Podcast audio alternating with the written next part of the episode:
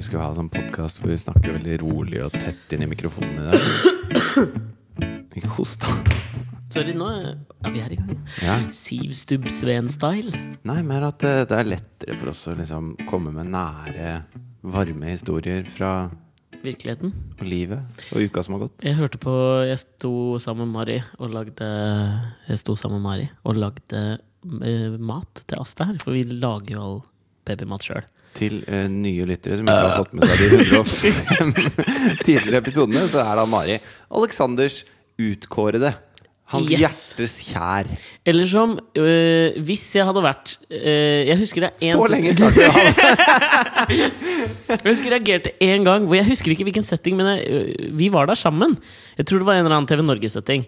Og så var Svein Tore Bergestuen der. Siden vi først var inne på radio, for jeg tenkte nå på og jeg skal komme til det også, på den, øh, det vi sto og hørte på. Og det var den 'Kjærlighet uten grenser' på kvelden. Og så, da kom jeg på Svein Tore Bergestuen, for han var jo en radiomann i sin tid. 1730, var det det han hadde? På P4? Nei. Jeg er ikke helt sikker på hvilket program han hadde, men han har jo en eh, Han prøvde seg også på TV. Hadde jo også et talkshow. Ja, det gikk vel ikke megabra? Nei, det gikk ikke megabra. Har du ja. mye slim i munnen? Ja, du hørte det? megabra. Kjendig det for sånn auditiv underholdning. Velkommen til Alex og Fritjofs podkast. Men det, Svein det som jeg fikk komme til å tenke på da du sa min utkårede først, da Ja. var at en gang vi var i en sånn setting med han, så han var jo sammen med Berit Boman. Og blir det Altså, det var jo hun som sang. Brei underholdning du leverer her nå. Hun sang i DDR! Husker du det Ja. bandet? Tyske bandet til Atle Antonsen og Kristoffer Schou og Johan Golden. Ja, det tyske bandet som er norsk. Ja. Som er en ja. DDE-humorvariant. De synger DDE på tysk. Yes. Og eh, de var jo gift, og så tror jeg de ble skilt, og så ble de sammen igjen, tror jeg. Oh, ja. En gang vi var i et Litt eh, sånn Janne Formoe Jan Fredrik Karlsen-løsning? Ja, litt sånn Er de sammen nå? Eh, jeg tror de er sammen sånn annenhver uke. Er de det? Ja. Eh, men det er jo kanskje en Det er litt som folk har Altså skilsmissebarn. De er skilsmissekjærester, på en måte.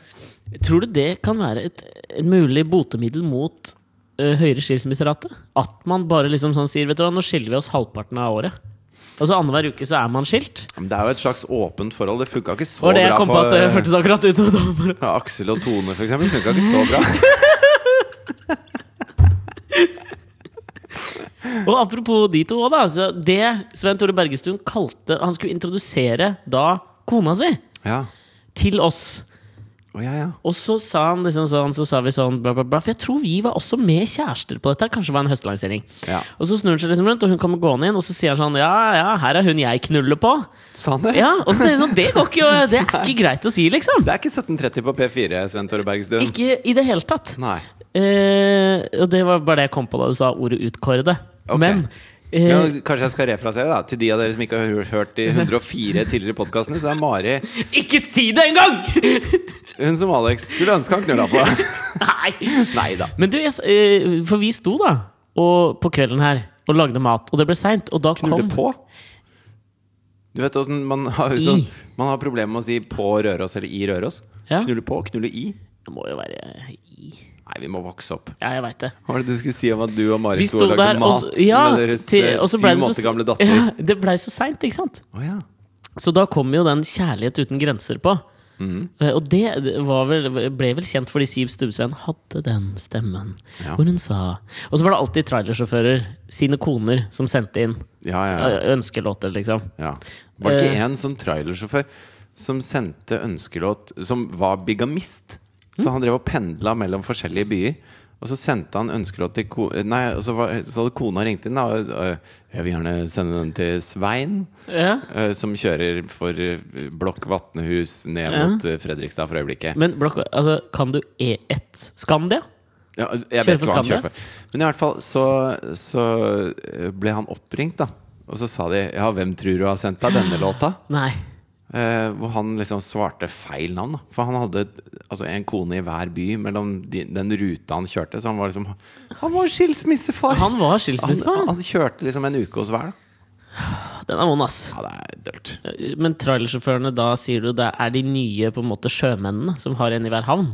Ja, det er mulig, det. Ja. Så vi står der og hører på Men det er jo ikke lenger Siv Stubbsveen som har 'Kjærlighet uten grenser'. Nei, det er kanskje ikke det. Det er Lise Askvik. Berit kunne jo vært. Kunne vært. Ja, hun har en behagelig røst, det skal hun ha. Berit Boman. Men det er hun Lise Askvik. Du vet hun fra Meggene på P4 sammen med Astrid Gunnestad. Mm. Som man jo kan si er the grand old woman av Ja, radiounderholdning. Hvor gammel er hun nå? 75? Nei, må jo være eldre. Hun ser, ut som, hun ser mye eldre ut. Ja, men hun er jo en røff dame. Jeg leste Ja. jo nå Hun var nede i Amsterdam og røyka tjall nå Ja. for Meggene.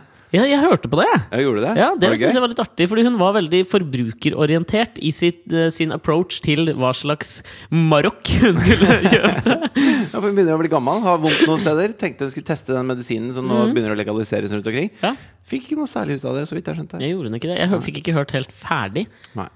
Men altså, fikk ikke noe særlig ut av det. Nei, hun ble, litt, hun ble litt dårlig. Det, var- det lindra ikke, liksom. Hun ble bare susa. Ja, men faen, er ikke det gevinst nok, liksom? Klart for ei Megge på 80, så er det Ja, bonus, faen. det. Men jeg tenkte liksom, hvis jeg skulle tippe alderen på Astrid Astrid Jeg syns hun er kul. Altså. Jeg sier Megge Dritfett. fordi hun er programleder i Meggene. Ja, jeg synes hun er er liksom dritkul. Men hun ser jo faen meg gammel ut. Gammel men Men at hun ikke Altså, jeg, ikke, jeg tror ikke på at hun ikke har prøvd det før. Jeg tror hun er bevandret innenfor psykofarma. Og, det er nok meget mulig. men det var da Lise Askvik. Det er Ja. hennes kumpan. Hun som har jo fronta denne kreftsaken så veldig. Mm. Brystkreftsaken. Og det er jo kjempebra. Hun er nå programleder på Kjærlighet uten grenser. Om hun bare var stand-in, det veit jeg ikke. Men hun hadde liksom ikke akkurat den stemmen. Men det som jeg syns var gøy, det var jo at hun skal jo da Det er en lang omvei for å komme til et lite poeng Ja, og så ble, jeg sånn, du vet sånn når, du sitter i bilen og så sier faren din du, Skal vi ta den eh, veien med fin utsikt, eller skal vi kjøre motorveien? Ja, vi tar det med fin utsikt, da! Og så er det ikke noen fin utsikt på veien. Nei, det er Litt sånn følelse av det nå. Ja, men det, da var, eh, Faren din hadde sikkert lest Guy Debord, denne franske filosofen og situasjonisten, som eh, coina begrepet psykogeografi. Som dreier seg om det at det er følelser og tanker og, og minner som skal styre hvordan uh, geografien blir utformet. F.eks. i, sånn, i bysituasjonen. Da. Ja. Pappa hadde en Audi 80 på den tida, husker jeg. Er forenlig med fransk Ja. situasjonisme. Og den, den uh, bilen, da Det var en sånn periode hvor den begynte å tute hver gang han svingte mot høyre. Ok! Noe som er upraktisk, da, for folk blir jo veldig sure. De Ja. skvetter og sånn. Ja. Men, og pappa var inne og prøvde å se på reléene. Hva Og er relé? skifte, ja, det er noen sikringsgreier da, som sitter under dashbordet og sånn. Ok. Men han er jo ikke noen stor mekaniker. Nei. Så det ble liksom ikke fiksa på ganske lenge, dette her. Han er en kunstnersjel, han. Ja, han er det. han er det. Kåre Gogg kaller han seg. Ja, det er det. Så hver gang han svingte mot høyre, så bare og det, og det ble jo humor ikke sant? for oss som satt i bilen. Men problemet er at han bor ute på Nesbru, og da ligger Biltilsynet på Billingstadsletta. Og. Ja. de har ofte sånne der, eh, bilkontroller på slepeenden. da Ja. Og der er det en lang Lang, lang høyresving akkurat rundt ved Biltilsynet der. Han prøvde liksom å kjøre andre veier inn i sånne små sånn residential areas. Ja. «Åh! Åh!» ja, men eh, jeg ble glad i den Audi 8-en. Så Lise Askvik eh, sitter jo der da og tar imot hils hilsener og overbringer og ringer opp folk osv. Låter det sånn om at tuter, forresten? Jeg spørs litt hva slags tut du har. Det der føler jeg var en sånn sellyd. Kanskje Ja, hvalross. litt sel. Ja. Ja. Fy faen, jeg elsker når du drikker, ass! Nå har Ja, du jo ja. jekka deg en øl, jeg sitter med cola. Faen at jeg ikke Har du flere? ja, ja, det ligger i sengen. Oh, ja. Ok, da tar vi, skal vi gjøre ferdig denne, og så kanskje jeg kan bo med en av deg. Mm, Det som jeg syntes var så gøy, var at det var åpenbart at Lise Askvik, der hun satt, utsatte det der å eh, etterlyse innsendinger. Ja. For hun liksom var sånn Ja, dere må bare sende inn, og dere vet sikkert eh, hvordan dere sender inn. Hvis ikke, gå inn på Facebook. Altså, det var et eller annet der. Jeg skjønte, jeg skjønte at det var noe At det var noe muffens. Skjønte du det? Det var noe muffins. Så til slutt så Men måtte du la meg bare sette stearinlysene var på. Du og Mari sto og lagde mat. Ja, det var ikke noe stearinlys. Nei, det var ikke det. Men det var Du sa det ble sent. Ja, men det var vi tenner Vi har på lys, vi. Ok. Vanlig Kjøre halogen når det skal være romantisk. Det skulle jo ikke være romantisk! Vi sto bare og skulle bli ferdig med denne Du sto der sammen med ditt hjertes utkårede, eller hun du puler i, om du vil. Som du selv sier. Ja, men det, romantikken er liksom som psykogeografien. Altså Det er mer sånn det du gjør det til. Den er død. En, Den er død! ja, men Det var jævla koselig, og det var sånn fine Det blir jo litt romantisk med de flotte låtene som Kjærlighet uten grenser sender òg. Ja. Nora Jones og ja. billig så Jeg har ikke hørt så mye på det. Nei, helt ok, det. Altså. Okay. Det er bedre enn P4 til vanlig, liksom. Ja. Og så skal hun da til slutt si, da Skal sjekkes ut. ja, Sjekk det ut. Sjekk det ut folkens! Det er jævlig bra. Eh, til slutt så tar hun mot til seg, da, Lise Askvik, og sier da kodeordet for å sende inn på SMS. Ja. Og så tar hun sats, liksom. Og så sier hun det er jo KUG til 1980. Og jeg knekker jo sammen i latter. Men hva står det for? Kveldsønske uten Kjærlighet uten grenser! Ja, sånn er det, ja! Kug! Ja! Ja, Kug! Det er jo stammanisk for kuk. det er veldig passelig gøy. Takk.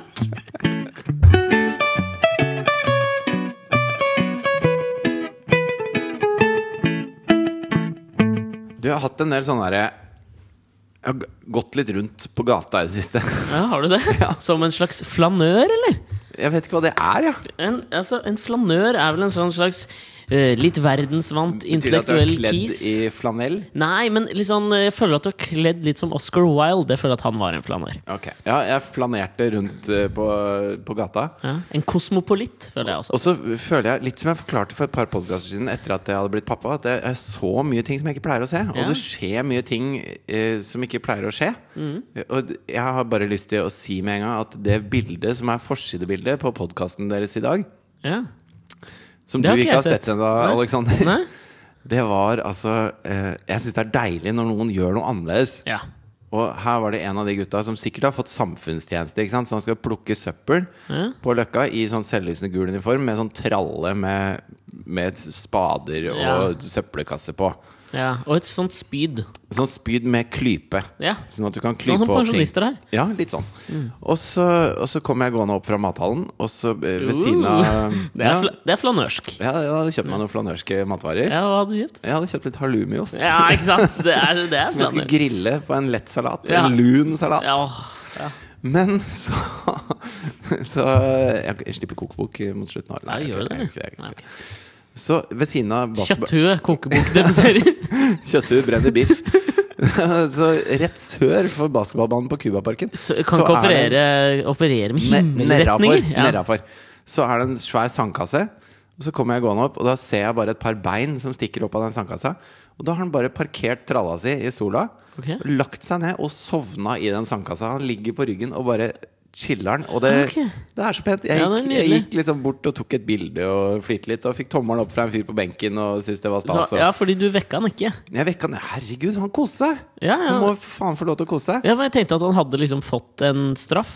Altså litt som Det, just, det kunne vært Justin Bieber. Fikk ikke han samfunnsstraff? Om Og så bare legger han seg ned og sover. Det er jo Jo, men altså, jeg føler at det han gjorde eh, for samfunnet, da, Ja, var å si bare ta det litt med ro, folkens. ja, ja. Slapp av litt. Han bidro i Nyt. psykogeografiens deilige estetikk. Ja, og så, og så eh, kom det altså, Dette var dagen før, faktisk. Så gikk jeg hadde jeg parkert bilen. Skulle jeg gå hjem.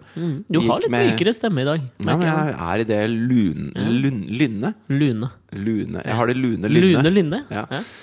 Så uh, går jeg med headset og hører på en eller annen podkast, Mm. og så kommer det en litt sånn uh, fyllik-type, Ja. kanskje 60 år, uh, og det er sånn Hei, hei, hei, du, du!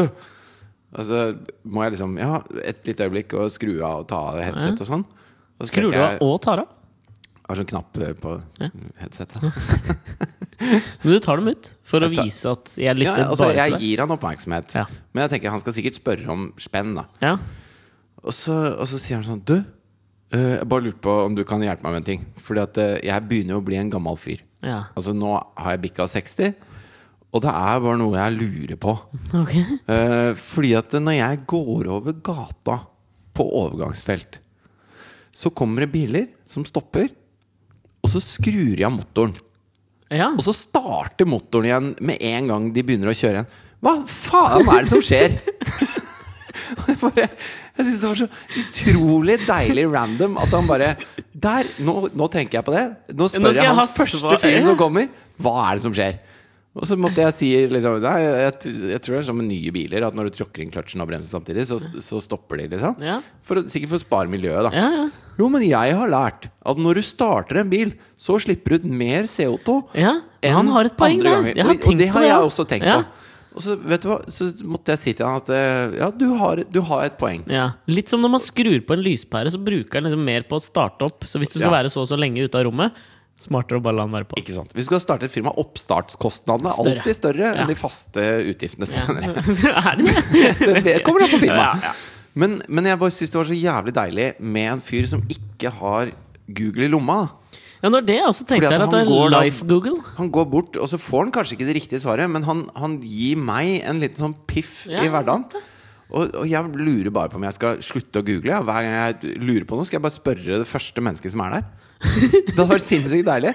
Og du får sikkert masse hyggelige prater ut av det. Ja, fader, det er Altså, vi etterlyste jo den derre leksikon Uh, Altså det leksikonminnet vi hadde, at du måtte reise deg opp av sofaen og så gå over til leksikon. Dette er jo på en måte det i andre potens. Og så er folk så jævlig forutsigbare. Altså kom, Hvis noen kommer og sier 'unnskyld', så spør de etter veien. Ja, hvis de, ja, hvis de ser litt sånn, ja. Ja, Så, så fremt de ikke har en sånn der dritt rundt halsen. også, da Ja, ja, Hvis de står med Sats eller Fjordkraft rundt halsen, så veit du hva de skal spørre om da òg. Så all, alle som kommer bort til deg, det er ikke noen ny informasjon som kommer din vei hvis du stopper opp da. Nei. Det er altså Det skjer aldri. Nei, det ja, nei, det er sant. Og da har vi jo ikke den der deilige kommunikasjonen lenger, da. Jeg savner den, jeg. Ja, den der likte jeg litt, altså. Ja. Jeg, Det er så, det er så forutsigbart at det, Altså, Fjordkraft står på Ryes plass.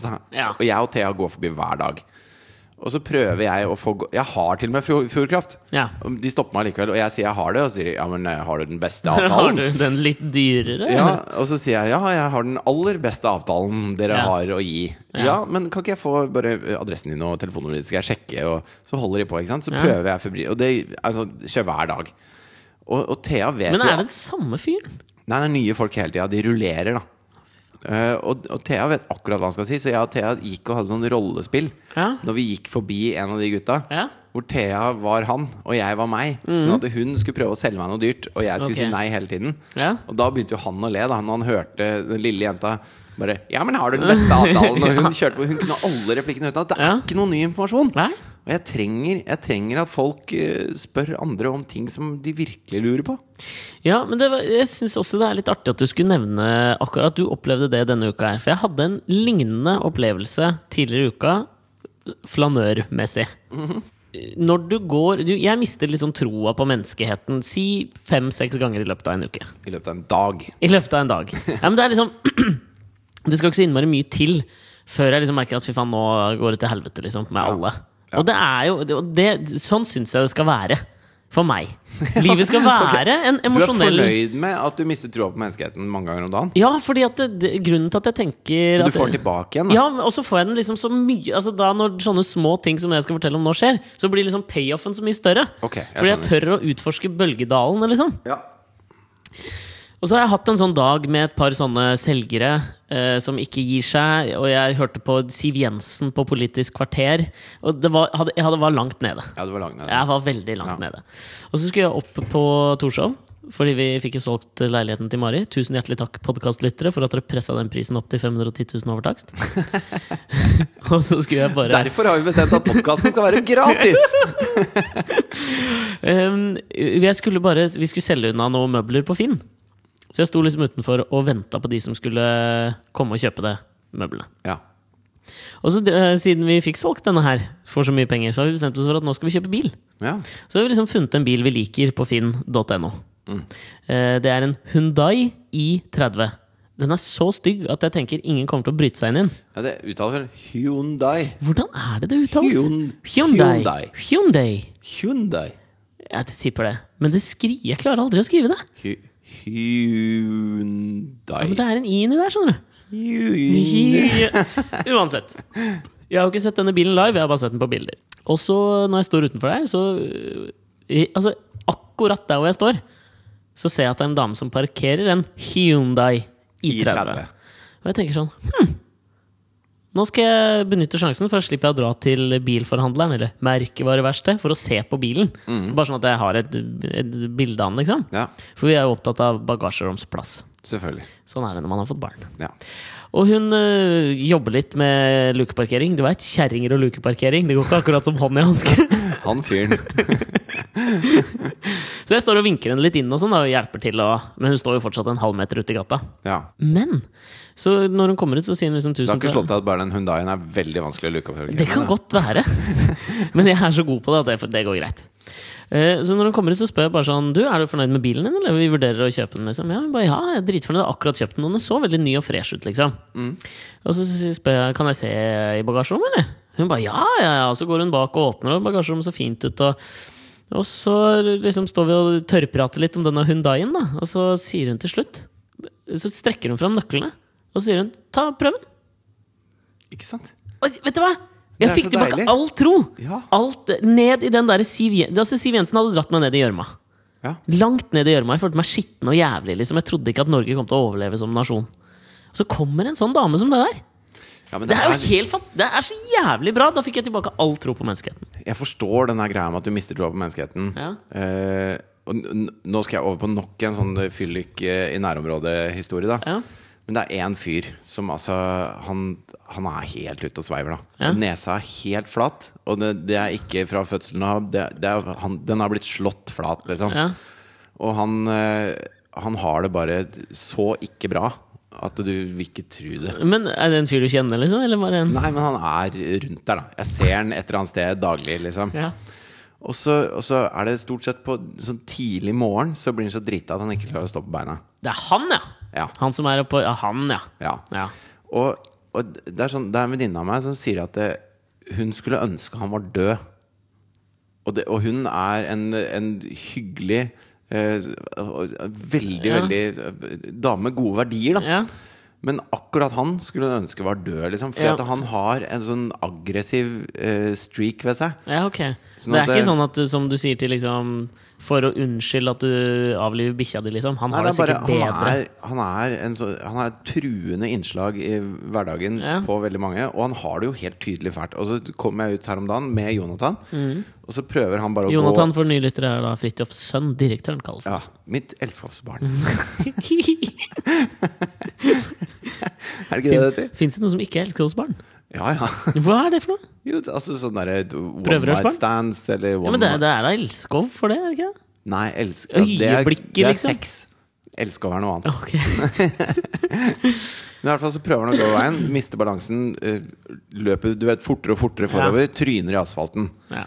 Og så er jeg sånn Jeg er litt redd for han, fordi at jeg har sett han banke opp annet en postkasse rett utenfor meg. Oh, ja. I vilt sinne. Okay. Han vant, for å si det sånn. um, og så blodet spruta, liksom. Han slo den postkassa. Det spruta blod fra knyttnevene hans. Ok. Og det er sånn, da, da, er du ikke, da har ikke jeg kål på hva du kan finne på, da. Nei. Og så ligger han da på bakken med en sånn plastflaske med en halvliter vodka. Og så har jeg da vogna med Jonathan, så låser jeg den, og så tenker jeg jeg, kan, jeg må gå bort. ikke sant? Så går jeg bort, og så er det en dame som også er der, som kommer bort. Og så skal vi prøve å få han opp, da. Ja. Og han vil ikke opp. Og så tar jeg tak under armen på han, og da ser jeg at han knytter begge nevene. Og så tenker jeg sånn Altså, jeg kan, kanskje han treffer meg én gang, men det blir ikke noe lang slåss. Han klarer ikke å stå på beina. Ja, ja. Liksom. Men skal jeg liksom hjelpe han når han vurderer å lime til meg? Ja. Selv om han ligger i gjørma i grøftekanten? ja. Og så ender det jo med at det kommer en fyr til, og han fyren og jeg klarer å, å støtte den bort og sette den utafor sunnkost, da Det er der de henger.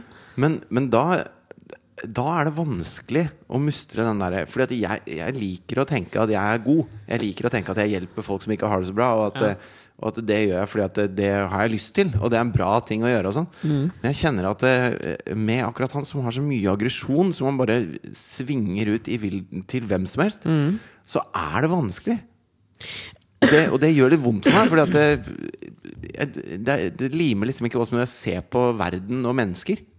Ja, men det er litt sånn verre sånn når du De folka som var på skråplanet da, vi var, da du var, gikk på videregående, da, eller på ungdomsskolen De du allerede visste da at de kommer til å skjære seg med. De som sa rev og marokk', og så var det ikke ironisk, det var hipt og nytt. Det var hipt og nytt. Ja, det er de folka. Ja. De var jo sjelden de som var noe særlig hyggelige. Nei. Ikke sant? Nei. Og dette jeg, synes, jeg er helt enig. Det er en sånn smertelig innsikt å tenke på. Ja. At det er de samme folka som du nå liksom eller vi nå eh, oppfordrer til liksom sånn, i hvert fall sånn jeg tenker også når liksom Asta blir litt større, så skal liksom, hun skal lære seg at man gir til de som spør etter spenn på gata. liksom. Ja. Det gjør man bare. ja. Og så er det jo en liten del av meg som da kommer på noen ganger at ja, men det var de gutta som skulle jule opp meg fordi jeg hadde gjort noe. ja, ja. Og jeg hata trynene deres der da jeg var 17, liksom. Jeg hata dem!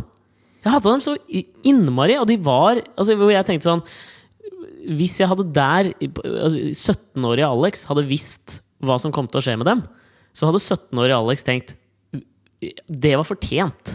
Men det er jo litt som altså, eh, For å ta et forslitt eksempel, da. Ja. Hvis du tenker på eh, Gaza og Hamas. Mm. Masse ting Hamas driver med som, som jeg ikke syns er noe stas i det hele tatt. Ja. De, de, de har noe ræva verdier som de prøver å dytte rundt. Mm. Og de har lyst til å drepe og bombe andre mennesker. Og det er, det er ikke noe hyggelige folk i det hele tatt.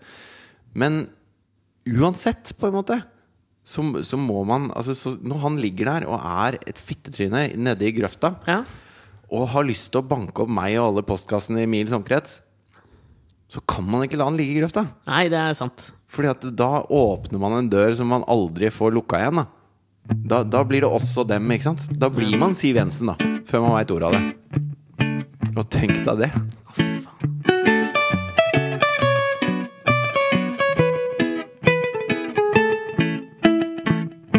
I smålighetens navn, da. Nå følte jeg at vi var litt uh, alvorlige og sånn. Ja, ja, ok.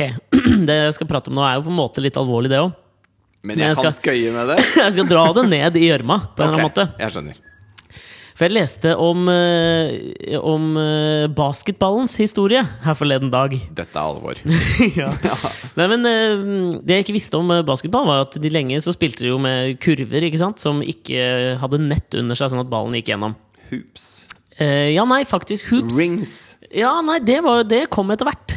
Og en Men først var det en bøtte, bond. liksom. Ja, med bunn i. Ja, så Først Ja. så var basketball en veldig sånn uøkonomisk sport tidsmessig. For hver gang så måtte de hente en, eh, en Stige. stige og så plukke opp ballen. Og så var det noen som fant ut etter hvert at eh, hvis vi lager en, eh, en slags et nett, så kan vi jo sikkert Da kan vi bare ta en pinne og så dytte opp ballen igjen når den havner oppi der. Ja. Så det tok faktisk fra basketball ble funnet opp, til eh, altså ti år seinere, før de, en kom med en saks og bare Hva om vi bare klipper av dette nettet her, da? Det, helt, altså det er jo det mest, For oss som har sett det ferdige produktet, Ikke sant? så er det det mest innlysende i hele verden. Men jeg det, tenker at jeg hadde ikke kommet på det. Nei, du hadde Hvis jeg liksom sånn. men, men jeg syns alle sånne gode oppfinnelser Ikke at jeg skal påstå at han er Einstein, han som klippa over Nei, men faen heller, er ikke langt unna, syns jeg. Men alle sånne helt ekstremt gode oppfinnelser, de er sånn Å ja, selvfølgelig. Selvfølgelig. Ja, Og så har man bare aldri tenkt på det. Ja, og det, og det var det, det eh, En annen del av basketballen da, var jo det at det, basketball ble så jævla kjedelig å se på. Fordi de hadde ikke den derre shot clock. Altså Det er 24 sekunder du har på å liksom få skutt en gang da i basketball. Ja. Så det ble jo bare at de, Hvis de leda, så bare sto de og spratt ballen. ikke sant? Ja. Veldig vanskelig å stjele ballen i basketball også. ja, det er kanskje det. Så liksom det, de, det var en utvikling, og så kom de da til, og dette er da poenget, og som jeg syns var liksom det, noe av det liksom morsomste med basketball, det er jo eh, på en måte de siste sekundene, når du får den buzzeren Ja. som avslutter kampen. Ja. Durt, durt, og så lang trepoenger Og så kommer den derre Den buzzeren svære. Og så er det jo noe som kalles buzzer beater. Som når du akkurat har skutt i det buzzeren går. Når ballen er i lufta, ja. Ja, og så kan den treffe ned, og det er jo en buzzer beater. ja.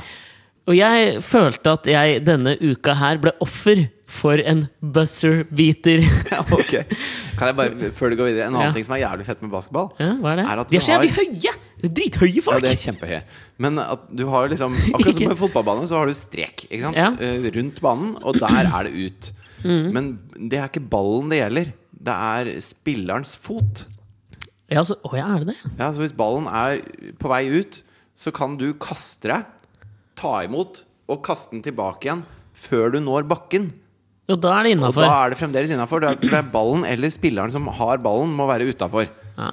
Så ballen må sprette utenfor før det og, det og det blir veldig bra TV det.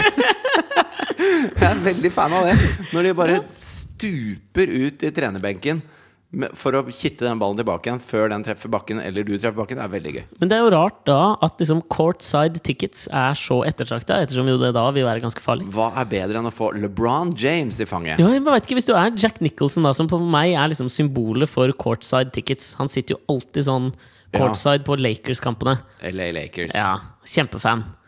Han han han er jo liksom manneversjonen av Astrid Gunnestad, føler jeg. Så han, han knekker jo hvis han får svære LeBron James oppå seg, tenker jeg. Jo, men han har sikkert en bodyguard da, som, som stepper inn der.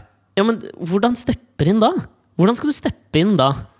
Sier, Jeg hvordan vet skal du steppe inn da? Få høre på dette buzzer beater-øyeblikket ditt nå. Buzzer beater-øyeblikket mitt føler jeg så da, Dette er ikke for å være smålig, men jeg eh, Hver gang man sier det, så kommer det noe smålig. Det er ganske smålig, dette her. Altså. Okay. Ja, fordi jeg tenkte Jeg satt jo her eh, en morgen hvor Mari dusja. Og så skrev jeg denne kronikken og sendte, sendte den til deg. Du leste gjennom, sendte av gårde til Dagbladet. Den kom på trykk på fredag. Ja. For, for en uke siden. Som eh, het eh, Per Sandberg og Masterchef. Lærerstreik og Masterchef. Lærerstreik og masterchef. Ja. Mitt vektige bidrag inn i lærerstreikdebatten. Syns den var veldig bra. Tusen Til hjertelig takk. av dere som ikke har lest den, så kan dere gå inn og google Alexander Nyhagen, eh, programleder og lærersønn. Ja, altså, Dagbladet. ja. Um, og det, det som var veldig kult med det, var at jeg fikk utrolig mye hyggelige tilbakemeldinger på den. Ja. Tusen hjertelig takk til alle dere. Og altså, jeg vil ikke ta kreden for at liksom streiken slutta på mandag, men altså Men det gjør du. ja. Nei, men Det var utrolig koselig. Og så følte jeg at Sånn som for min del som, altså Jeg har et lavt kokepunkt. For meg kokte det litt akkurat gjennom helgen. Det Ja. var mye tilbakemeldinger. Folk ringte, fikk liksom masse mailer. Til og med moren min fikk jo liksom sånn Hun ble ringt opp og fikk eh, SMS-er og mailer. Og sånn. det var masse, masse oppmerksomhet Ja. akkurat da. Og God det var oppmerksomhet, da. Veldig god oppmerksomhet. Selvfølgelig, Jeg var jo dum nok til å gå inn på Dagbladet der hvor den lå, Og lese og kommentarfeltet. lese kommentarfeltet. Og hva sto det der? fy faen. Ja, det var, altså, la oss si at det var vanligvis, da. Altså, du prøver jo å stålsette deg, for du tenker som vanligvis her, så er det liksom 90% eder og galle, 10% ok, bra, liksom. ja. Jeg tror det var omvendt på denne her, da. Det er, de som skriver der, det er jo de som uh, egentlig uh, burde snubla i markveien Mm. med en flaske vodka. De bare glemte å begynne å drikke tidlig nok. Ja, det er de. Ja. Jeg, jeg tenker jo det òg. Og så merker jeg jo sånn der på når jeg liksom Altså, det klør jo i fingra etter å gå inn og svare de som jeg føler at Altså de som slenger med leppa, da. Ja. Og så føler jeg liksom bare sånn Grunnen til at du gjør det Du, har ikke, du skjønner jo ikke, jo! Du skjønner jo ikke, jo! Er du tjukk i huet, liksom? Du har lyst til Men du kan jo ikke gjøre det. Nei. Vil jo ikke bli han heller. Nei. Eh, men så følte jo jeg litt da at liksom sånn jeg, jeg var Om ikke på en høy hest, så var jeg i hvert fall på en bitte liten ponni Ja. i løpet av den Du helgen. følte du hadde rett. Følte jeg hadde rett, følte jeg hadde gjort noe bra. Og så kommer denne kronikken til Lene Marlin. Ja, hvor hun har vurdert å ta livet av seg. Ja. Nei, ikke si det. Ikke. Det, Du følte at hun She stole your thunder? Fy faen! Du er det mest smålige mennesket. Du følte at Nei. du bare Faen, Lene Marlin. Akkurat når jeg er på trykk i Dagbladet, skal du komme og bare Jeg har skrevet selvmordsbrev og sånn. Fy faen, du er så smålig! jo, men altså, jeg tenker sånn Man må tørre å si det. Ikke sant? Du turte jo å si det. Jeg måtte si det for deg. Jo, Du men jeg stoppa jo ble Hun var min østers. buzzer beater på akkurat, i akkurat det tilfellet der. Ja. Fordi altså sånn Av liksom personlig tristesse i skalaen, liksom, så er det liksom kanskje kreft, tredjeplass.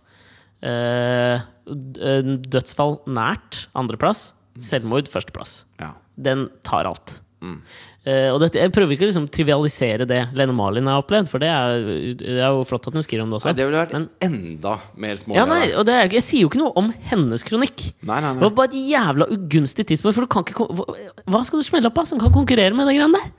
nei men, Du kan ikke smelle opp en dritt! men, men det, det viktige her er jo at du gjorde et bidrag for en sak som du tror på, Ja. og som du gjennom moren din sitt virke som lærer har fått kjenne fra barnsbena. barnsben av. Og det lurer jeg på Det har ikke vært noe svar fra Per Sandberg eller noen av de som du går litt etter i den kronikken din? da Eh, nei, har, de har glimret med sitt fravær. Ja. Men, eh, og det er litt sånn artig at du skulle si det, for det var det jeg begynte å tenke på da. Da jeg liksom leste kronikken til Lene Marlin nå. Det, det er jo da Skreiv jeg dette her fordi jeg liksom virkelig brant for at lærerstreiken skulle gi seg?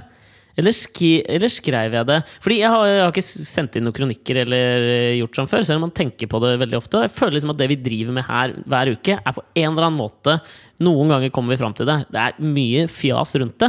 Mest fjas. Ja, Men noen ganger inni her så kommer man fram til noe som liksom kunne vært en kronikk. Mener Ja. jeg, da. Ja. Og det er liksom Og podkast er liksom ikke anerkjent sånn sett, fordi det er pakka inn på en annen måte. Ja, så er det jo Altså, jeg synes vi, har, vi begynner jo å få et lite kartotek av ting som vi prater om i podkasten Ja, si mellom tirsdag og torsdag, så kommer podkasten ut på fredag. Ja. Og så eh, er det helg.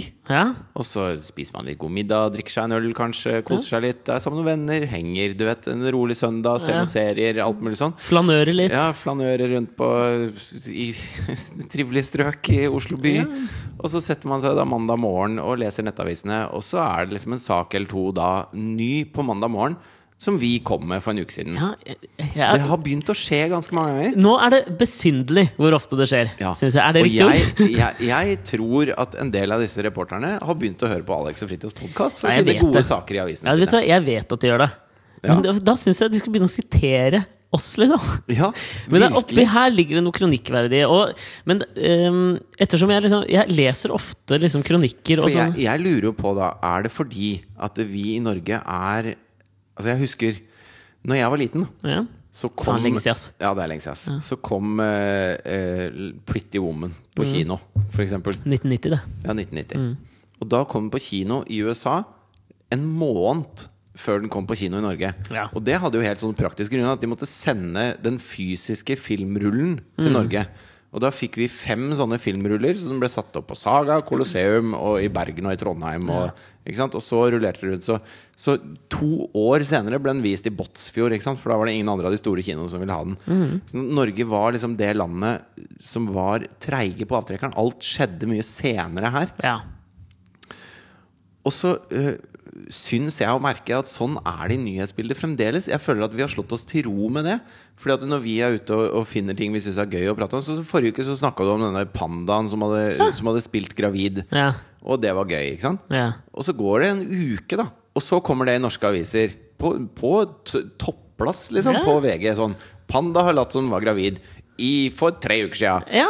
Altså, hvor er aktualiteten? da? Har, vi, har, har Presse-Norge slått seg til ro med at vi er en pottitnasjon som får filmrullen tre uker seinere?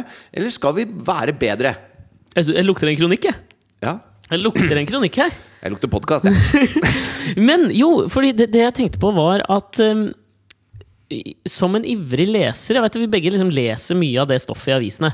Det er, veldig, altså sånn, det er kanskje det i hvert fall du og jeg går først til. Liksom, er liksom sånn, de sidene i Hvis vi står med en papiravis i hånda, så er det de sidene vi blar til først. Det er jo stort sett de eneste interessante sidene i en avis. Ja.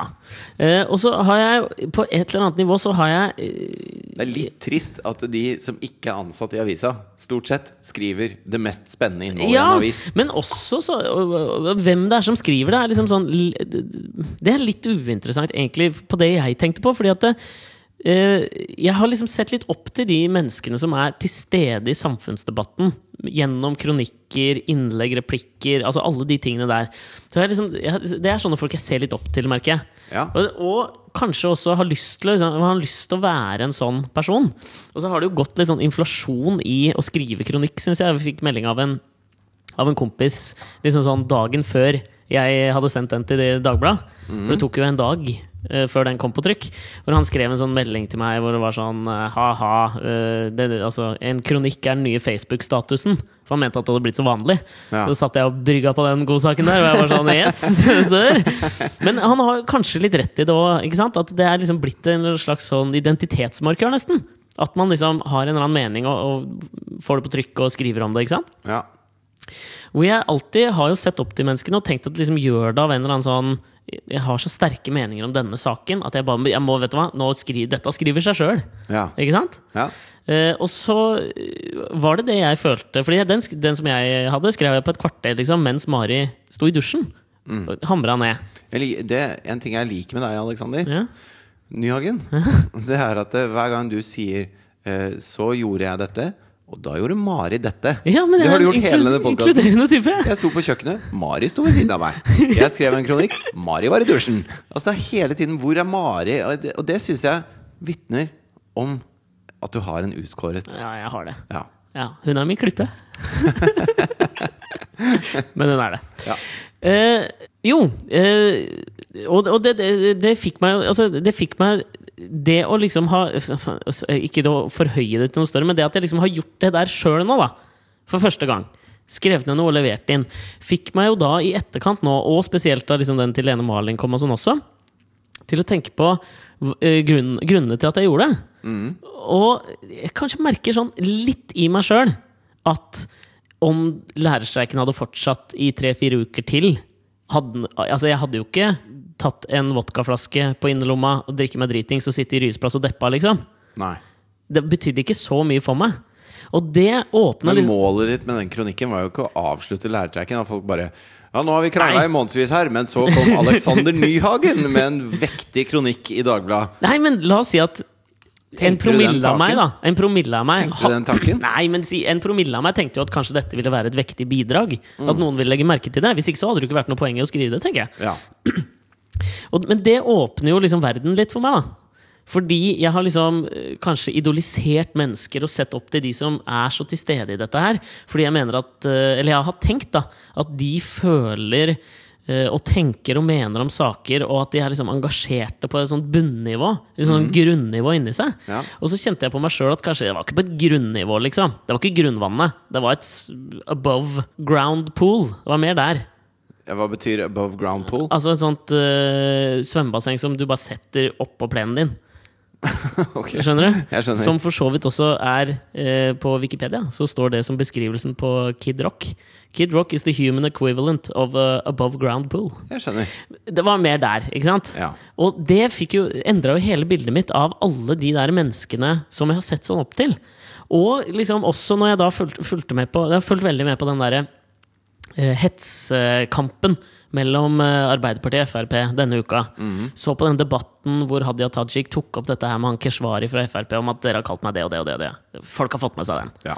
Eh, hvor jeg liksom sånn begynte å tenke mer igjennom hvorfor folk eh, gjør det de gjør, skriver det de skriver, sier det de sier. da Det er litt sånn der follow the money. At jeg har i en alder av 31 år skjønt at man kan gjøre det. ja, men jeg tror ikke Altså, jeg tror ikke det er så Jeg tror det bare Du vet, hvis du er på en fest, da, Ja, og så begynner man å diskutere et eller annet, Ja. eller kommer et tema, så er det noen som alltid føler at eh, sin mening eh, trumfer andres meninger. ja, Noen som ikke lytter, som lukker øra og, og fortsetter å si sin mening. På en måte og, og jeg føler at eh, de samme som skriver kronikker det er de samme som skriver kronikker. For de sitter her, og så, og så uh, absorberer de en meningsutveksling. Altså de, de ser en sak, og så tenker de sitt. Og så er det ingen som sier akkurat det de tenker, da. Og så tenker de at eh, Vet du hva? Uh, det jeg mener er så bra at det fortjener en plass i denne debatten. Så det, det er jo en slags selvsikkerhet og en, oh, ja. en virkelig vilje til å bli hørt da, som ligger til grunn for det. Og jeg vet ikke om det er nødvendigvis noe mer gjennomtenkt. Altså, jeg har lest eh, Jeg tror hvis du ser gjennom hvilke kronikker som blir sendt inn, ikke bare hvilke som kommer på trykk, Ja, For det er et nåløye, har jeg hørt. Det er et jævla nåløye, jeg har hørt. så tror jeg det er veldig mange eh, uvektige meninger der også. Jeg tror, jeg Ja. tror mer det er et symptom på at man syns at sine egne argumenter er verdt å høres. Ja, jeg tror det er det. Og det er jo ikke alltid et sunnhetstegn. Nei, men det har liksom ikke, jeg har ikke tenkt den tanken. Nei. Jeg har liksom tenkt at dette er eh, beleste, smarte mennesker. Og som, eh, som eh, viss grunn, eh, grunn, grunngrunn til å gjøre det, er denne en slags sånn altruisme, ikke sant? For, det, å, for å gi jo, noe i debatten. Det er jeg litt enig i, men det kommer først Stort sett så kommer det først litt uti en debatt. Sånn som denne Sofie Elise knulledukke-debatten. Knulledukke-gate. Som har knu, jeg tror den blir kalt det. Ja, ok. Ja. Knulledukke-gate. Vi må slutte forresten med det. Å kalle alle sånne lange debatter gate etter Watergate. Ja. Det er Å, fy faen. Men i hvert fall så øh, Jeg er sikker på at folk har fått med seg Men i veldig korte trekk så var det Radioresepsjonen som sa at Sofie Elise, bloggeren Sofie Elise, som også er med på bloggerne på TV 2, eh, var en knulleløkke. Ja. Og, og så er det masse folk som har reagert i ettertid på at det er ikke hyggelig at fire, tre middelaldrende menn sitter og kaller en eh, 18-19 år gammel jente en knulleløkke. Det funker ikke. Det er ikke humor. Og så er det folk som har forsvart at det er humor, og, og forsvart Ja, så har man gått fram og tilbake på det, da. Og så nå, for et par dager siden, så leste jeg eh, en kronikk om det. Som jeg ikke husker hvem som skrev, selvfølgelig. Men eh, der sa han at eh, det, eh, det var veldig, veldig viktig at folk kalte Sofie Elise en knulledukke. Jeg leste den, jeg òg, faktisk, på vei ned hit. Gjorde du det? Ja. Og, og, Det var en journalist. ja, Husker var en journalist. Jeg husker ikke navnet hans. Uh, slutt å herme hva jeg sier. Men hans poeng da var at uh, dette er en jente som helt siden 15-16-årsalderen har operert på kroppen sin og gjort alt hun kan for å bli en slags uh, overseksualisert Barbie-dukke-type. Uh, og, og i bloggen hennes så går hun langt, langt inn i hvordan og hvorfor hun gjør disse inngrepene for å bli så Barbie-dokkeaktig Ja, og seksualisert som mulig. Og det er viktig eh, da for eh, unge jenter der ute at ikke de ser på henne og tenker at det, det der, det er oppskriften på suksess. Det er viktig at man har stemmer som sier at det, det du oppnår med det der, er å eh, undergrave ditt eget intellekt. At du blir bare et sexsymbol som bare duger til én ting. Og det er knulling. Fordi at det er ikke noe som har skjedd fra naturens side. Det greiene der Det er noe Sofie Elise har gjort med viten og vilje og fullt overlegg. Og, og hva Sofie Elise angår, så er det klart at hun fortjener ikke å få drittslengt etter seg. Men for, for alle de andre jentene der ute som ser denne dama i TV og aviser og hele tiden, de må ikke tenke at det der er en god oppskrift på suksess. Fordi at det er forferdelig at jenter må framstille seg på den måten for å få oppmerksomhet. Og det syns jeg var et vektig innlegg som ikke hadde vært til stede i den debatten. Mm. Og det kom først en stund etterpå. Ja, det er sant. Det måtte absorberes litt. Ja. Men fordi jeg, jeg, jeg, jeg tenkte liksom videre på det her, og jeg syns det er jævlig interessant, da. Når man uh, altså sånn, Det har sikkert tatt for lang tid for meg å skjønne at uh, til og med i Norge har vi litt sånn House of Card-tendenser. Men jeg føler at det er, dette går litt under, da. Uh, Jørgen Berg Pedersen var det forresten jeg måtte gå inn her og se. Som var han som skrev den kronikken. Han har jo et, et godt poeng i det at hun, Sofie Elise, også faktisk tjener penger på dette her. Det er hennes jobb. Og hvis man i follow the money-tankegangen, så altså må man også tørre å liksom si ifra hvis dette er noe hun tjener penger på. Da må hun tåle å få litt tilbake, liksom. ja. Men det var i denne her, altså sånn, i denne her kalkulerende tankegangen da, på hvorfor man gjør ting, eh, så, så hadde jeg skrevet denne her, begynt å tenke litt på det sjøl, hvorfor jeg hadde gjort det, begynt å lese noen andre ting, og så dukka den eh, hetsedebatten med Ap og Frp opp. eh, hvor jeg i utgangspunktet satt og så på debatten, ikke sant? Og så tenkte jeg bare sånn Ja, jævlig bra at eh, Hadia Tajik tør å ta den eh, kampen her, liksom. Det er på tide at noen tar. Og så syns jeg svaret til Frp det holder ikke. ikke sant? Den vanlige tanken man har. Ja. Når man ser det første gang. Men så føler jeg at jeg også fikk den derre Litt som han Jørgen Berg Pedersen sikkert har gjort. Da. Han har sittet og fulgt debatten, og så har det liksom bare absorbert litt. Og så kommer man på liksom sånn Ja, men vent litt nå. Og så var den følelsen jeg også fikk litt her. da, men sånn, Vent litt nå. Da liksom Jonas Gahr Støre møtte Siv Jensen i Politisk kvarter og sånn. Hvor, han, hvor jeg synes han var liksom veldig sånn på at Ok, nå må, nå må du ta avstand fra det han Ulf Leirstein, Leirstein har sagt om Hadia Tajik. Og, men jeg synes det var liksom nesten litt sånn eh, We, Hva er det han har kalt eh, Hadia? Eh, Han har jo ikke gjort Han lika en statusoppdatering på Facebook ja, som angrep Hadia Tajik bare fordi hun var muslim, da. okay. Og det er jo ekstremt alvorlig. Ja. Og, og det er ikke for å undergrave det. Men hvor jeg begynte å tenke dette her har jo egentlig for Ap sin del Jeg prøve meg som da eh, amatørmessig politisk eh, analytiker. En slags podkastenes Aslak Bonde, om du vil. Eh, og jeg tenker at i utgangspunktet så tror ikke jeg liksom sånn Jeg tror ikke Hadia Tajik blir sånn som meg, da. At jeg, tror liksom, jeg tror ikke livet hennes blir ødelagt av at en eller annen løk i et lokallag i Frp sier noe, sier noe dumt. da Nei. Det tror jeg ikke. Ikke altså, Jeg syns vi må ta litt makta ut av det derre like en status på Facebook, og hva er Facebook oppi den, altså den offentlige diskusjonen og sånne ting? For det vi glemmer, det er jo at det, eh, disse folka som er ordførere og folketillitsvalgte og, og stortingsrepresentanter og sånn, de er eh, eldre. Mange av dem. Ja, ja. De får ikke til dette her, liksom. og, det, og det er ikke lett for dem å skjønne opplegget heller. De har Altså de, de får det bare faen ikke til. Er sånn, altså, øh, Kona til pappa, da. Ja, Jeg så en status fra henne nå. Marianne heter hun. ja. Hei, Marianne. Hei, Marianne. Statusen fra Marianne var Marianne! Utropstegn, utropstegn, utropstegn. Jeg klarer ikke å logge deg ut! Du må hjelpe meg! og da har Marianne vært på besøk hos en venninne. ikke sant? Ja. Sjekka Facebook på hennes maskin. Og så har den gått til sånn autoinnlogging. Ja. Sånn at hun, venninna da, hun finner jo ikke tilbake til sin egen Facebook lenger. Og der har vi liksom 70% av. Stortinget. Og at vi da skal arrestere dem fordi at de trykker på knapper her og der og ikke skjønner noen ting. Det, det, det, det, det kan ikke forventes av deg. jeg syns det kan forventes av Ulf Leirstein, liksom. Han er ikke så gammel. Hvor gammel er han? da? 35, liksom? Ja, en gammel sjel, altså. ja, sikkert. Men det var eh, Gretten gammel gubbe. Men det var i det hvor jeg skjønte eh, Her kommer da den amatørmessige politiske analysen. Jeg tenker at Det må jo være jævla smart av Arbeiderpartiet nå å angripe dette med tungt skyts, liksom. Med virkelig tungt skyts. Her må liksom Gahr Støre inn her må vi på Politisk kvarter. Dette skal tas nå. Ikke fordi at det, nettopp det å like en Facebook-status er så jævlig ille, men fordi at ved å liksom kjøre denne saken til sin ytterste konsekvens, så kan vi liksom få vist sånn den spliden i Fremskrittspartiet om at dette regjeringspartiet er, har en fløy som er klin fucking kokos.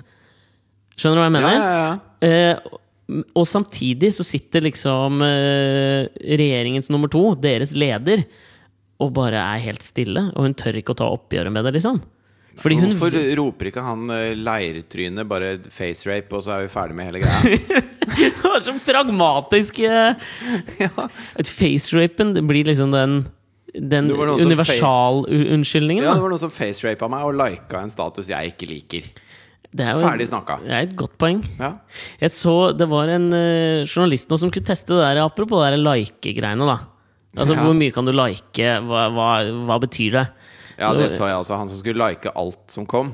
Ja, han tok utgangspunkt i den der Andy Warhol-greia. Like everything. Du skal bare like alt. Eh, Nok en gammel gubbe som ikke skjønner eh, Facebook. Andy var jo- Warhol. ja. Men jeg syns det var fascinerende, det som skjedde. Som er altså det han gjorde, var at i løpet av 48 timer så liker han alt som dukka på Facebook. Og da får du også sånne forslag videre. Hvis du liker dette, så liker du også dette. Og da skulle hun gå fire ledd videre på hver ting.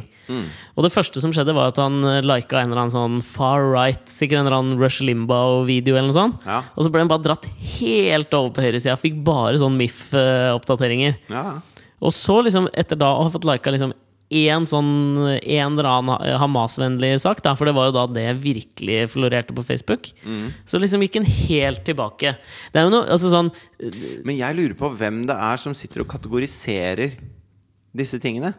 Hvem som sier 'hvis du liker dette, så liker du også dette'? Ja. Fordi at den, den, den overordnede bibliotekaren i Facebook-bibliotekaren, verdensveven, liksom. Den som sier at ja, hvis du liker Rush Limbaugh, så liker du også dette. ja. For at det er jo noe vi, vi styres av hele tida. Altså, min underholdningshverdag styres av hva de For det er sikkert automatisert på en eller annen måte. Det sitter det jo jo ikke være. en sjefsbibliotekar og sier 'Nå har det kommet en ny video han likte herfra'. den, da skal Den få legger jeg den! 70 ut på venstresida, Ja, mens den andre er 20% høyre. Det var sikkert noe med noen tags eller noe sånt å gjøre, da. Ja, Nå veit vi ikke hva Og vi prater det må man jo kunne kødde med.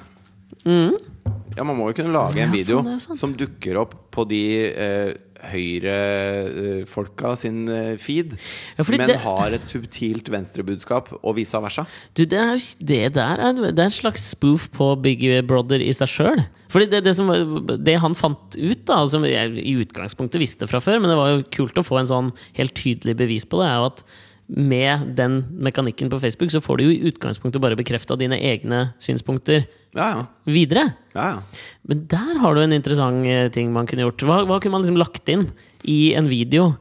Hvor han, hva heter han eh, har eh, Nå har han fått mange videoer. av Haggerty? Hannity? Sean Nei, Hannity? jeg, tenk, jeg, jeg leste en sånn sak her nå, uh, hvor uh, Kops, det derre uh, reality-programmet Eksisterer det fortsatt? Ja, ja, det, var det, det ble kalt det første reality-programmet. Okay. Det er det samme som det politiet i Norge, der, hvor, hvor reality-team følger politiet på jobb. Men på ingen måte det samme programmet! Nei, nei, for det er litt annerledes å være politi i Norge og være politi i USA. Du kan ikke ha Bad Boys, Bad Boys er det? Inni Kamose? Husker ikke hva bandet heter. Men du kan ikke ha den som uh, vignettlåt i Norge. Nei, nei, jeg så jo til og med en av de eh, fra den norske serien, da. Hadde liksom gått over hele verden, for det var en fyllik som bare Ja. satt på en benk og sa han skulle drepe politiet og alt mulig sånn. Og de to politimennene holdt på å le seg i hjel, for han var så patetisk, han fyren. Og de sto sånn Nei, kamerat, nå må du slutte. Ja. Kom her nå. Du skjønner at du er for full, liksom. Bli med meg. Å, fy faen, jeg skal drepe dere! Og prøvde å slå etter dem, og de holdt på å le seg i hjel. Og det gikk liksom viralt i USA, da. Ja. Hvor folk i USA bare Hva er det mulig at politiet kan være sånn? Og da ble jeg litt sånn stolt. Ja, det syns jeg var litt deilig. Ja. Men motsatsen til det er jo eh, I Omaha, Nebraska, så var de ute og filma Cops, Mm. en episode. Hvor det var en raner som hadde ranet noe. ja.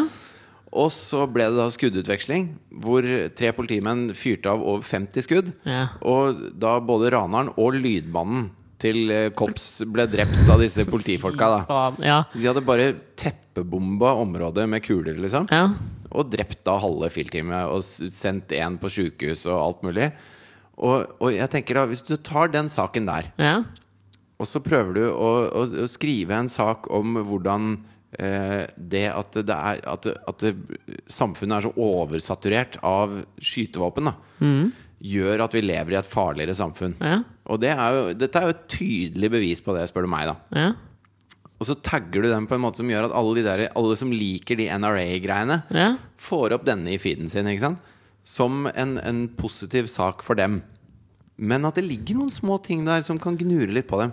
For jeg tror ikke at det som får folk til å ombestemme seg, det er ikke det motsatte argumentet. Jeg tror at du må slipe på deres Ja. argumenter hele tiden. Ja. Helt til plutselig de har helt underbevisst snudd. Ja. Altså Hvis man klarer å bare ta det bitte litt, og bitte litt, og uka etter bitte litt, så plutselig vil man uh, være den der puppet master da, som styrer hele verden og får alle til å snu. Du, dette Det er min teori. Legge under te, Altså, musikklegge det lavt med 'Heal the World' av Michael Jackson, eller 'Internasjonalen', eller et eller annet sånt. Ja, eller bare si og det minner oss på denne saken. Så? Sånn, at du, sånn at de folka da plutselig ikke får opp noe NRA-shit lenger. Men de, vi styrer dem over i et nytt landskap. Dette, er- dette, dette er kronikkverdig, det. Dette er en fulltidsjobb. Fy faen.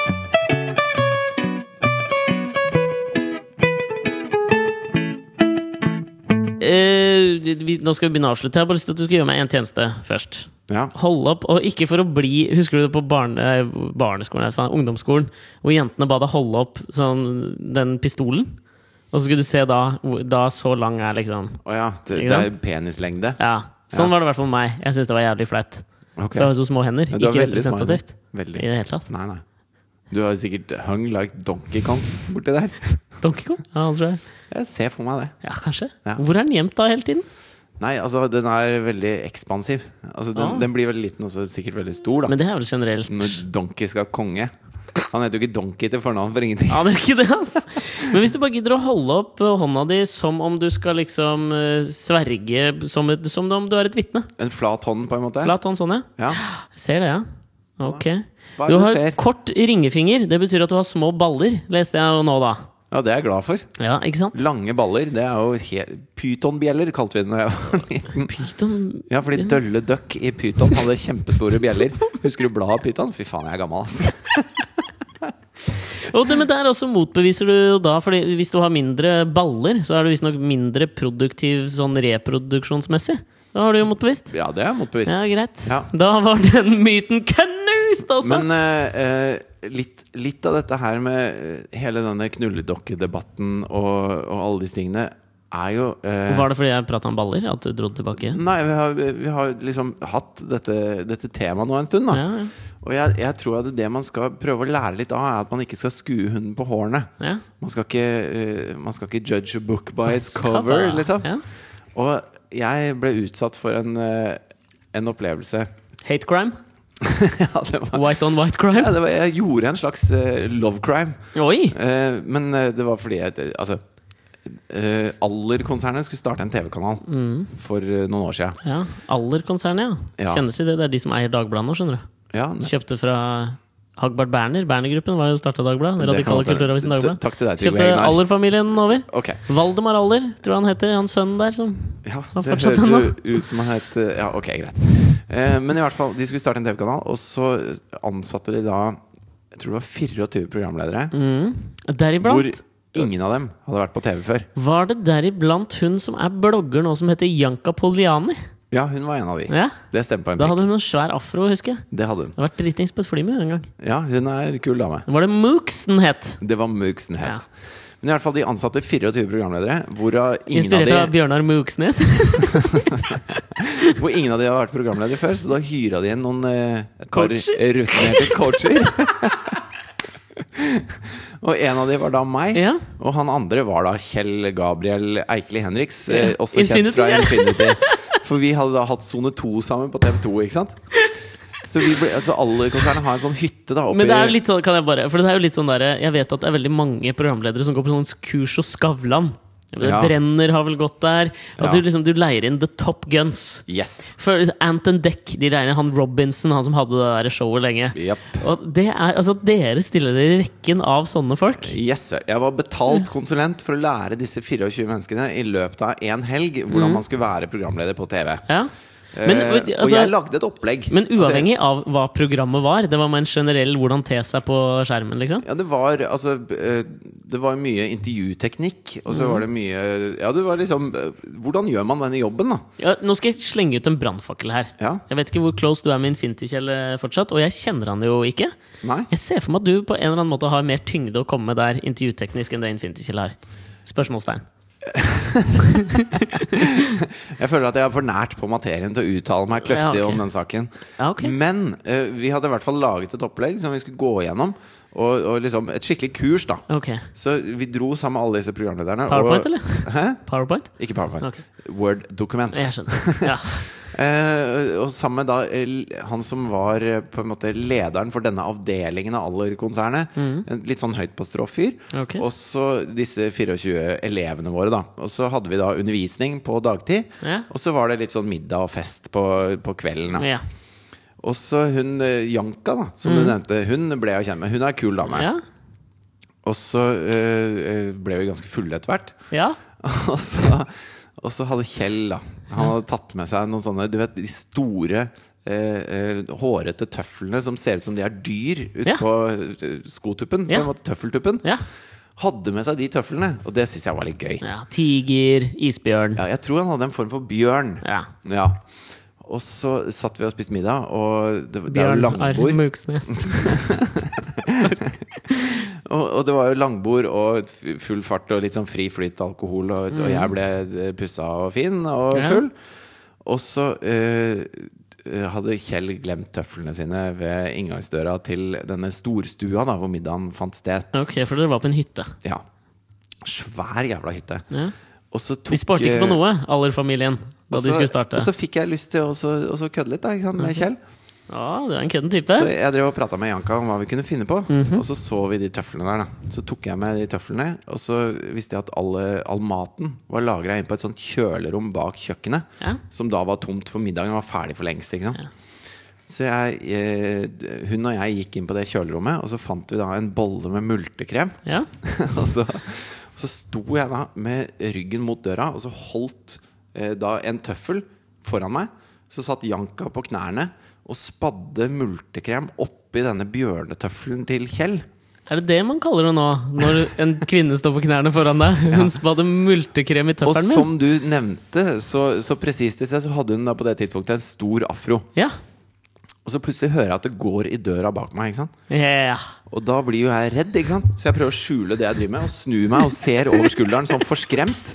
Mens afroen til Janka titter ut fra begge hoftekammene mine, der hun sitter på knærne foran meg, og da ser jeg bare rett inn i øya på min da oppdragsgiver? Som, han han som har leid inn meg som konsulent. Som ser da en av disse studentene mine stå på knærne foran meg inne på kjølerommet på den hytta. Ja. Og så låser vi blikket med hverandre, og jeg ser jo helt forskremt ut. For Ja. en ting er, Jeg tenkte jo ikke på at dette så ut som jeg fikk en blowjob på kjølerommet. Nei. Jeg tenkte på at dette er dritpinlig at jeg fyller multekrem i tøflene til Kjell Ja. på seminar, liksom, Ja. hvor jeg er Du hadde ikke absorbert. Nei. Nei. Så vi låser blikk, holder et sekund, og så smeller det igjen døra. Og så begynner vi å le, og så tenker vi ja, det gikk bra. Og så fortsetter vi å fylle tøfler. Og så Så etter en stund så går det opp for meg hva dette så ut som. Da. Ja. og så, spesielt når jeg kom inn i rommet, så fikk jeg noe sånn blikk av han som var helt jævla snodig. Hvor, sånn 'Dette er ikke greit'-blikk. ikke sant? Ja. Og så satt jeg der så tenkte jeg sånn Skal jeg gå bort til han og si at jeg, jeg ble ikke sugd av hun jenta der, Ja. men vi fylte multekrem i tøflene til Kjell? ja, men ikke sant, hva er flauest? Ja, Og jeg, klar, jeg klarte ikke å bestemme meg. Så jeg tror til den, Den dag i eh, dag. Den dag, i dag at eh, Kjell vet jo utmerket godt at jeg fylte multeklem Multeklem! Multeklem Multekrem i tøflene hans. Mens eh, jeg tror han sjef for alle konserter tror jeg fikk meg en blowjob. Men da kan du trøste deg med at eh, det gikk jo ikke til himmelen og videre med mookstv.no. Nei, det gikk vel ikke så bra.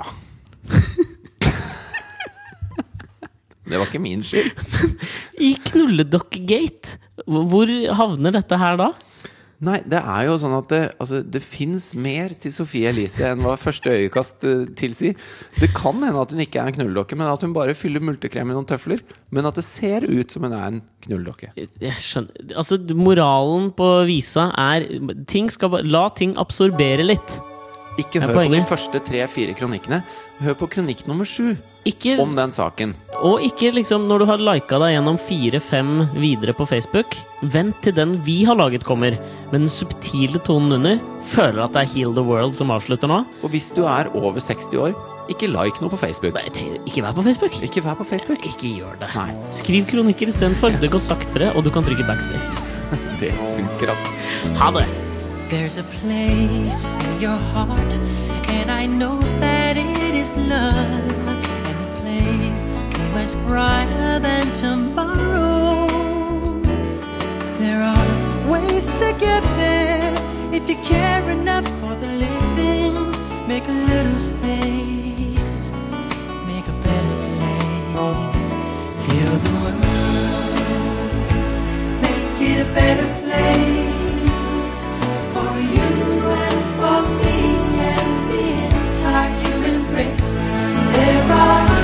Take